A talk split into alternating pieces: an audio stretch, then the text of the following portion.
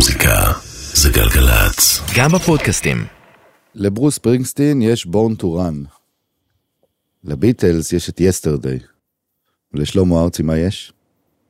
בטח אתה מרמז על ירח, לא? כנראה.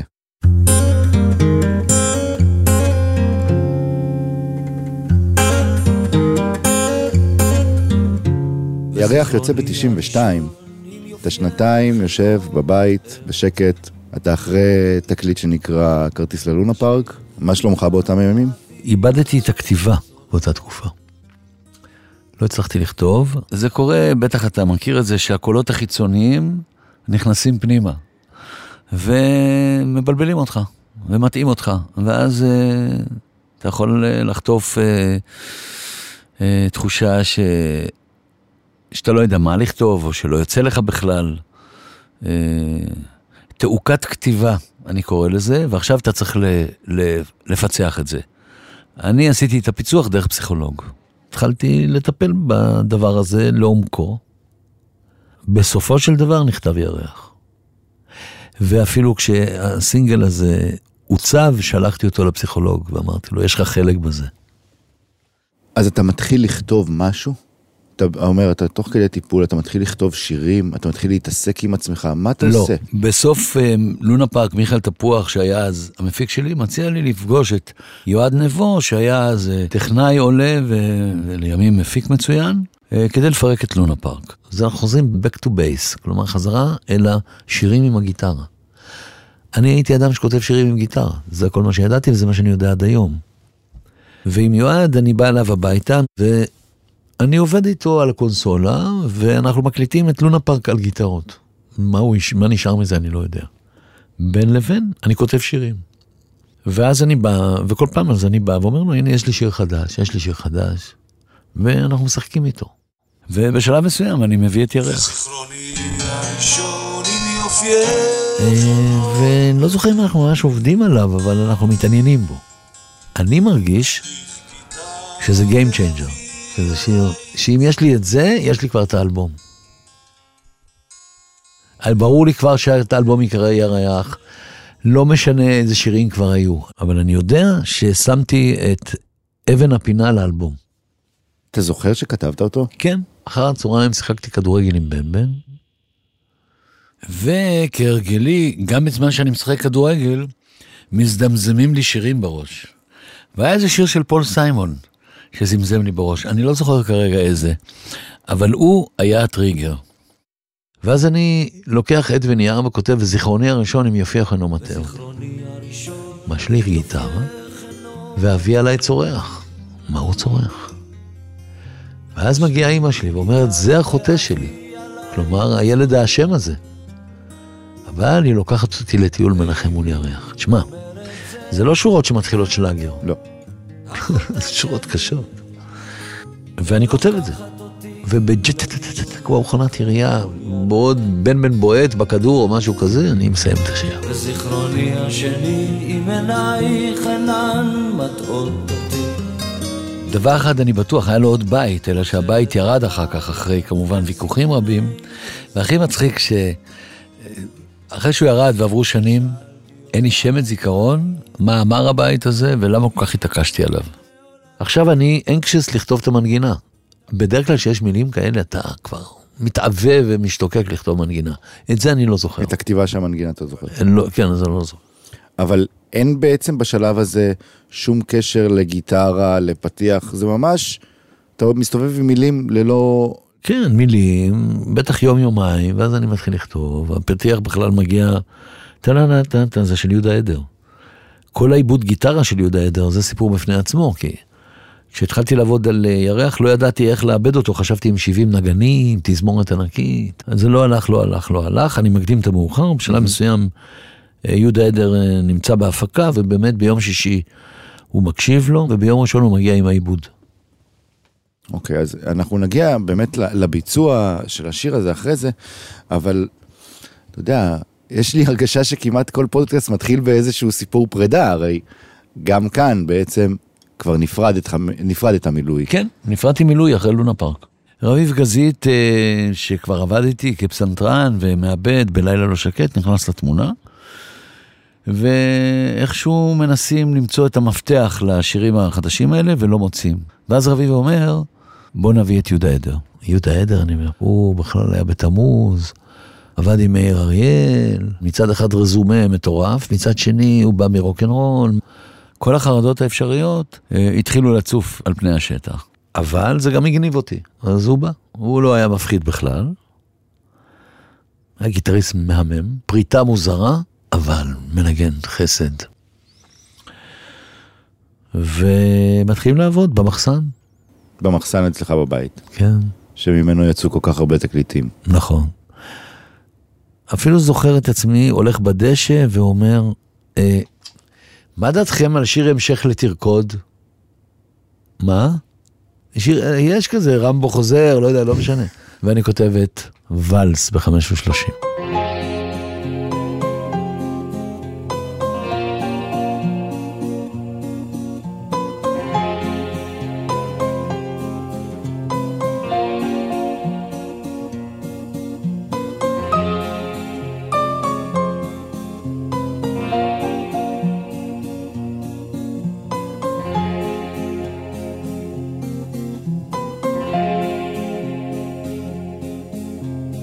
עדיין רוקד איתה בראשי. מביט בשעון וכמעט חמש ושלושים. ואם לא תגיע עד שש, אתייאש אך אמות פה מחר מול אותם ברושים. ועדיין אוהב עם הזמן, עם כל צעד, וזוכר עוד היטב איך את אמרת, אחרי שתי פעמים טובות בפעם, שהורסת אותנו, ואז זה נגמר. ונוסע עדיין באותה מכונית משומשת. קרוב לוודאי עם מנוע הרוס ויודע שאין אפשרות נוספת. מלבד להתחיל איתה באותו הריקוד שאלתי מה קרה היה אה, שיר שנוסף אחרי. בשלב מסוים אני מרגיש שירח, אה, אנחנו כבר בש, בשלב מתקדם שלו, אה, אולי לא פיקס, ואני נותן אה, ליעקב גלעד לשמוע אותו ולאתי הנטע. יעקב אומר, אה, יש יותר מדי וילונות, ואני מבין מהמילה הקצת מוזרה הזאת שהוא מתכוון שאולי חסר גיטרות, אולי קצת רוקנרול. ואז אה, יהודה עושה את העיבוד המופלא הזה ל"שאלתי מה קרה". גן עדן שם, אפילו האוויר היה פתאום מתוק. שאלתי מה קרה, שאלתי מה קרה. למען לומר פשוט רציתי כבר להתאבד איתך מרוב ייאוש. תמיד אחרי השערות נרגע פתאום. שאלתי מה קרה, שאלתי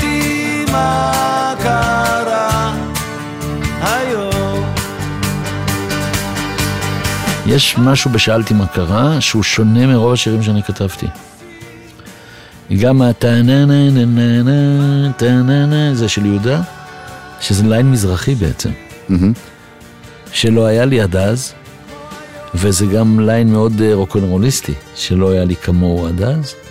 וואי, זה קצת יהודי, קצת אה, מתגעגע. אני הבנתי מתחקיר עמוק שעשיתי, שזה שיר שכתבת מה שנקרא עבור יהודה עדר. אמר לך, תכתוב straight, תכתוב שיר פשוט, וזו הייתה התשובה שלך אליו.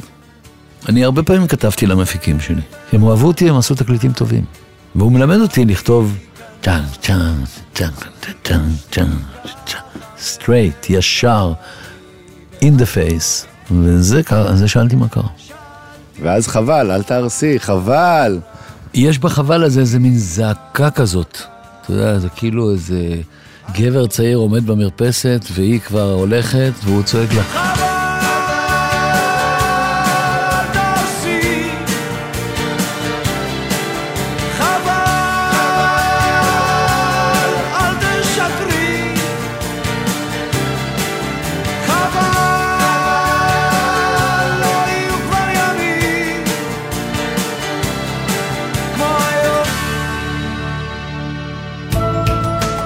קצת על התקופה המוזיקלית שהייתה באותם שנים, אה, MTV כבר שולט בעולם המוזיקלי, בטעם, ומההופעות הרוקנרול הגדולות, פתאום הם מצטמצמים ומתחילים MTV Unplugged. ובאמת, הסאונד משתנה. אה, אני מניח שאתה צודק, אבל אני לא בטוח שאנחנו תמיד היינו מחוברים לסאונד הכללי. זה נכון שהושפענו, ואני לא מסתיר את זה שפה הושפענו מ-U2, ופה הושפעתי מפול סיימון, ופה הושפענו מדברים אחרים, אבל לא היינו, מחוב... בוא נגיד שלא היינו מחוברים ל-MTV כשעשינו את ירח. לילה לא שקט, חום יולי אוגוסט וכרטיס ללונה פארק היו ארבע עבודות שעשיתי עם לואי. היה ביניהם קשר, אבל הם היו יותר מסונתזים, יותר אה, הירואיים. אפים.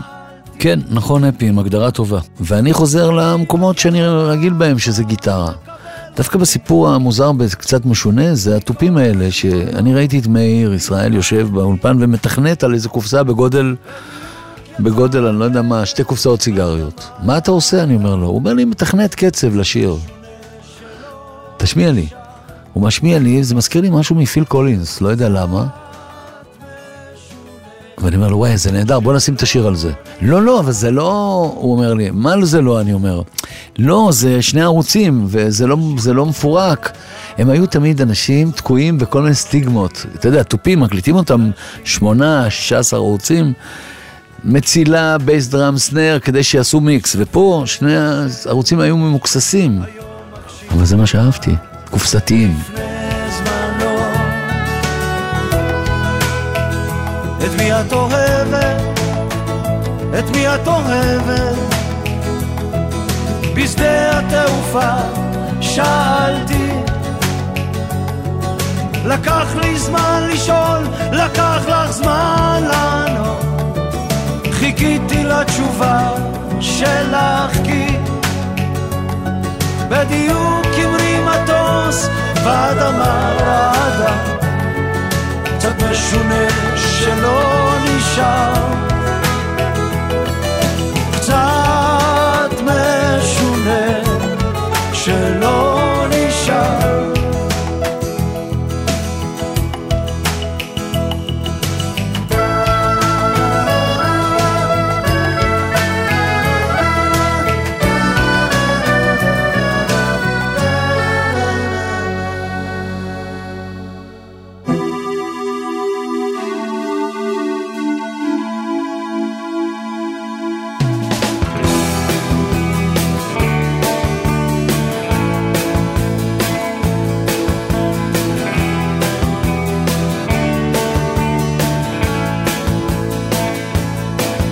וכל הדרך כן.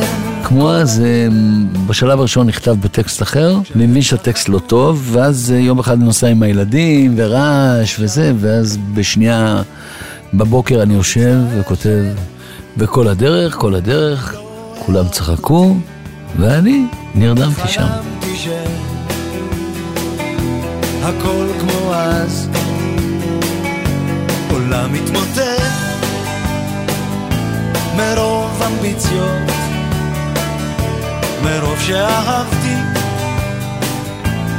לא אהבת מסע בדמיון כי שם הכי טוב חלמתי ש... הכל כמו אז. כמו אה, העשייה שלו הייתה כולה יהודה עדר, כולה תום פטי, כולה straight ahead, כן. ונאור דיין, יושבים על הגיטרות. נתת גם ליהודה לעשות פה קולות. כן, היה... יהודה מביא מרימון את אה, רונית שחר, והיא הולכת ומשתלבת בתוך האלבום הזה, בקולות שלה. למשל, קח את המעבר שהוא ייכנס עכשיו כאילו למודולציה.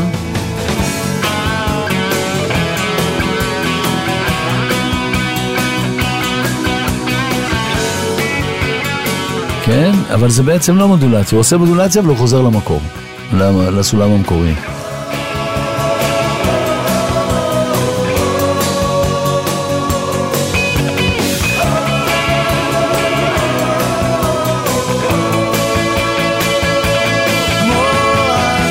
זה מרחיב את הלב.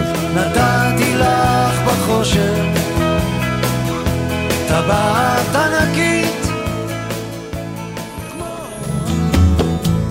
עוצמת עיניים כאילו מאיר, אתה שומע?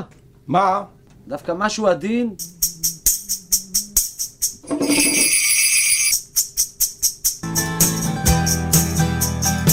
ניקח את המעבר, נעשה עליו ערוץ קונגס, ערוץ בונגוס, אני רוצה רגע שנחליט, כדי להחלט, כדי לא לעשות את כל השיר ולהגיד לי לא טוב כן. קח את המעבר, נעשה ערוץ קונגס, ערוץ בונגוס, נעשה החלטה, נשחק אותה. הולך? הולך. ששלמה לא יהיה פה כשאנחנו עושים את זה. טוב, עכשיו אני אנסה לאתגר פה את uh, אותך ואת מי ששומע. אני הולך להקרין לך קטע איך באמצע הקלטות, uh, בזמן שהקלטתם את ירח, יש איזו סיטואציה באולפן, אתם מקליטים תופים עם מאיר ישראל, ואז קורה הדבר הבא. ואם תפגוש אותה תגיד לה היא כמו פרפרית בשמש ושרופה לחיות כן אם תפגוש אותה תגיד לה שתשמור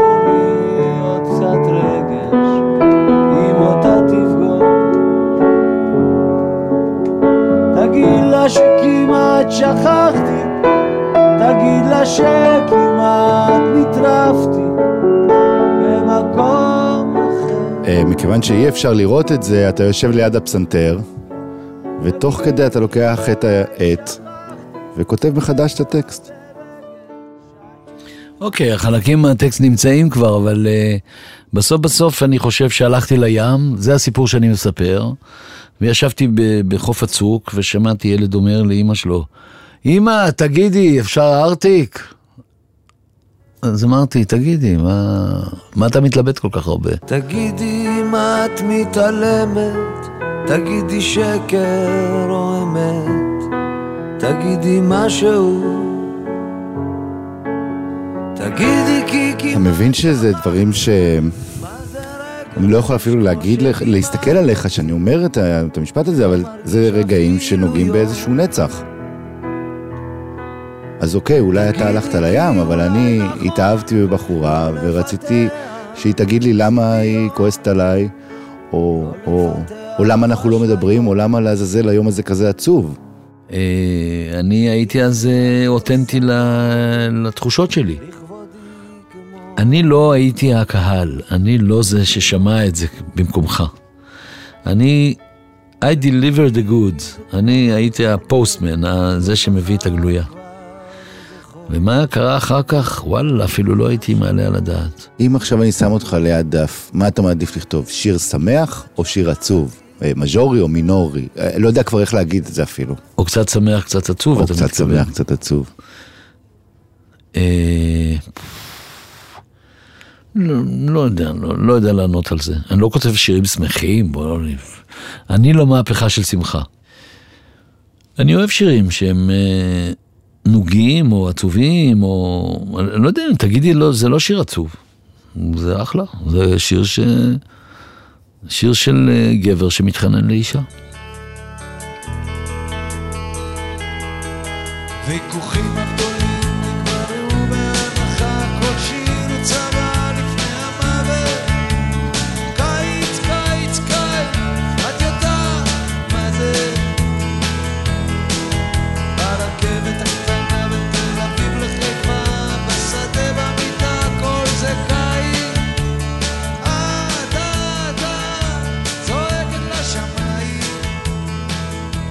אוקיי, אוקיי, אתה לא אוהב נוסטלגיה ומוזיאונים, אה?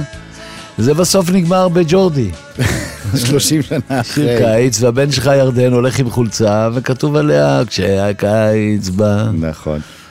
אני חושב שלא היה מעולם מפיק מוזיקלי שעבד איתך, שלא עשה עיבוד או טייק לשיר הזה. אה, 30 שנה אחרי שהוא נכתב בירח, שלחתי אותו לג'ורדי, למפיק, והוא עשה אותו קופצני, עליז מאוד, ממזרי אפילו הייתי אומר, ופותח בשריקה. אתה יכול להשמיע את זה אם בא לך.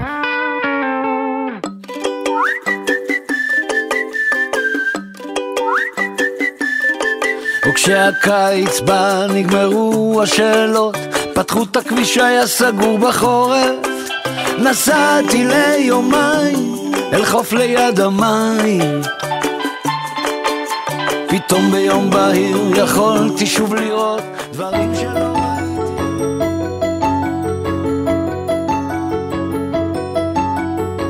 זוכר תמונה מילדותי, הולך איתך בערב, וכוכבים קטנים יורדים לאט לאט. אתה אומר לי, מעטים מאושרים בדרך, מבטיח להביא לי את הים. זוכר שנה מילדותי, מושך את השפתיים, סופר את כל הכוכבים. זה שיר על סבא שלי, זיכרונו לברכה, שהיה האיש הכי קרוב אליי בילדותי. אה, והוא היה גר בגב ים, קריית ים ג' 200 מטר מהים, יהודי דתי מאוד. הייתי הולך עם ציציות וכיפה על הראש. כל חבריי באו מתימן ומרוקו ועיראק. ואני, הרומני הקטן, השתלבתי בכל בתי הכנסת שם, ולמדתי ממנו לשיר, מסבא.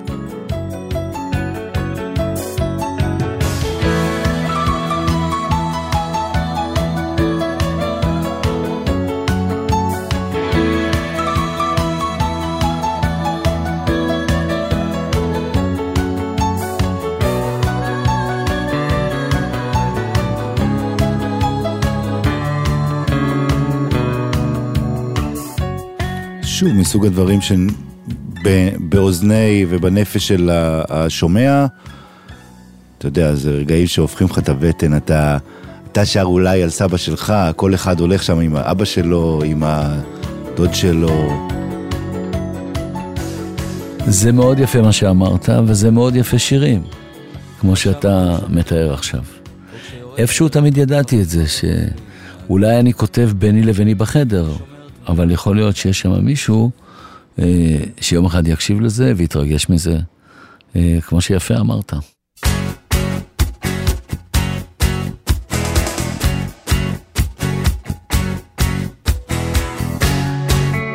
אה, השיר הזה נקרא "אני בא", ונדמה לי שהיה לנו המון זמן התלבטויות אה, מה הכיס שלו. הכיס לשומעים זה בעצם בסוף, בסופו של דבר העיבוד שלו. וזה לקח זמן, אני חושב שזה השיר האחרון שאנחנו אה, מצאנו לו את העיבוד. מה שכן, אה, אני הייתי פעם בהקלטות של אמיר לב, ועשיתי לו קולות בתקליט הראשון שלו, שלואי להב הפיק. ואיכשהו ביקשתי אותו להיות הקול הטלפוני אה, בתוך השיר הזה, אני בא, והוא שר אה, בקול טלפוני, את צועקת, אני בא. צועקת, אני בא. את שותקת,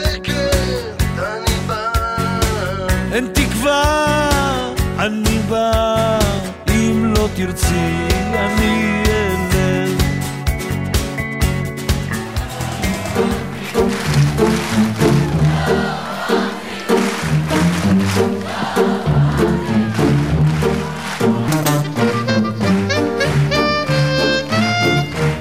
אחרת אתה מת. אתה זוכר את השיר הזה? זה השיר שאתה מבצע אותו, זה כאילו אני שומע אותך מדבר. אני חושב שזה שיר אהבה לחיים בעצם, והרצון אה, אה, לגעת בדברים, לראות אותם, כי רבאק, אחרת אתה מת. אתה לאחרונה ניסית לשיר אותו והפסקת, אתה זוכר למה? נגיד שהסתיימה הקורונה, זה היה שיר שני בהופעה, ולאט לאט אמרת, אני לא יכול לשיר אותו יותר. תקשיב ירון, אין לי איזה תשובה ברורה. אני אדם כל כך אמביוולנטי, שאני לא יודע בדיוק מה התשובה. יש מגוון דעות ויש עצות למשל כתוב בפרסומות אל תיקח סיגריה כי אחרת אתה מת אתה יודע, ירון, לפעמים במרחב הזמן יש שירים שאתה אוהב יותר, אוהב פחות. אה, אחרת אתה מת כשלפעמים סינגולדה מתפרץ בהופעה והוא קובע את הרגע שהשיר הזה נכנס להופעה, ומתחיל, ואני מתחיל, ושוב הקרקסים באים. אז uh, משהו מתרחב לי בלב, אולי זה הקרקסים, אולי זה החיילים, אולי זה המעיל של החייל, ואולי העובדה שאנחנו חיים בעולם של פרסומות וריק ושטחיות, ועדיין, כאילו אם כל הדברים האלה אינם, אז אתה עלול לחשוב שאחרת אתה מת.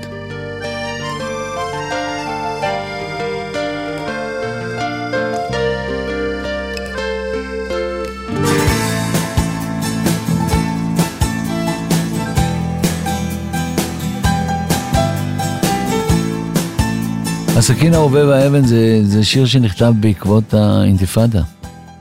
סכינים, רובים ואבנים, זה חלק מהחיים שלנו, גם עכשיו. זה אומר שלא הרבה השתנה מאז. אה, וגם, תנסה להוסיף על זה טיפת אהבה. ואתה שוב תאהב אותי, היא אומרת שם. ואתה שוב תאהב אותי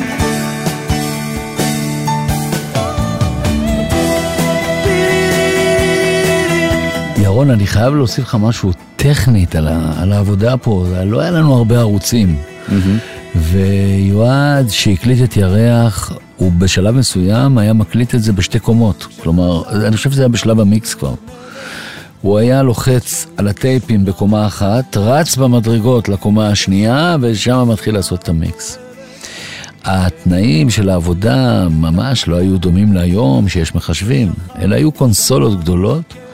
אבל את אה, ירח החלטנו לדעתי בשמונה ערוצים והוספנו עוד כל מיני פטנטים כאלה כדי שיהיה לנו 16 ערוצים. וכשאני מקשיב עכשיו במרחב הזמן של 30 שנה לסאונד, אני אומר, וואו, יועד, שיחקת אותה. פעם תורי ופעם תורך. רגע, יש פה שאלה מהקהל. היי שלמה, זה שגיא. אשמח לדעת קצת על אה, פעם תורי ופעם תורך. אז אה, שמע, שגיא, סוגריים, הטכנאי לקהל שמקשיב. אה, פעם תורי ופעם תורך הגיע ממש לקראת סוף האלבום, מה שנקרא, אה, כדי להשלים אותו.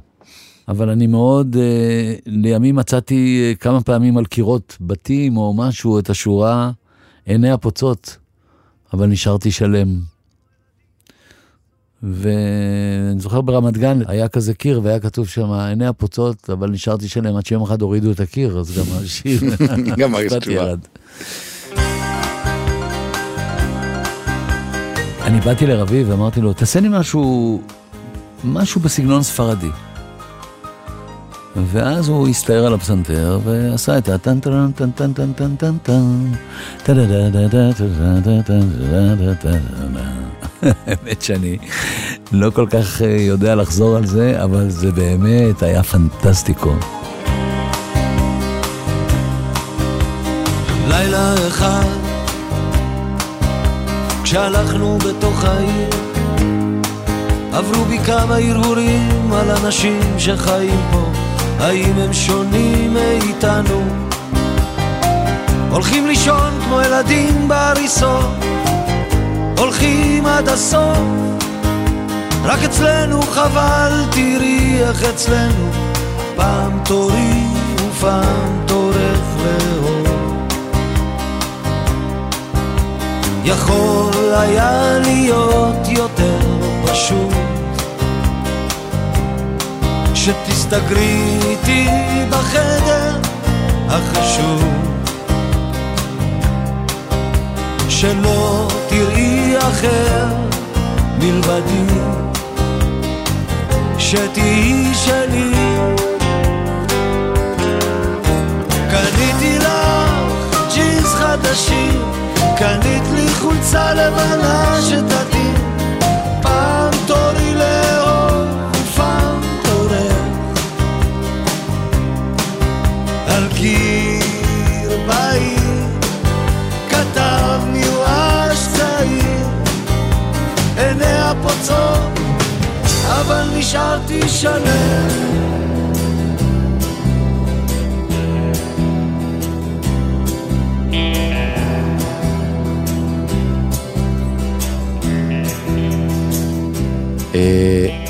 ערב בלי ירח, שיר האחרון, איך אתה שולח אותנו החוצה ממנו? מהתקליט, מהתקופה הזאת, מה למדת, לאן זה הביא אותך? סליחה על הדידקטיות. לא מזמן דיברתי עם איזה שחקנית מפורסמת, והיא אמרה שהיא במשבר יצירתי. היא לא יודעת לאן ללכת מפה. זו תכונה שמופיעה אצל אומנים המון פעמים, ההיתקעות הזאת, שאתה לא יודע לאן, לאן הולכים מכאן. אני הגעתי לירח כשלא ידעתי מה הדרך. כשעשיתי את לונה פארק בהצעה ללואי בוא ניכשל. ושהתחרטתי כי נכשלנו. וזה היה כאילו מהלך חיים מדהים. איך מכאן ואילך אפשר להמשיך להיות אה, אומן יוצר. ולמזלי, ה... שם אותי במקום כזה שיש בו יצירתיות. אתמול היה טוב, אתמול היה טוב, תודה רבה, ירון. לילה טוב. לילה טוב. ויהיה גם מחר.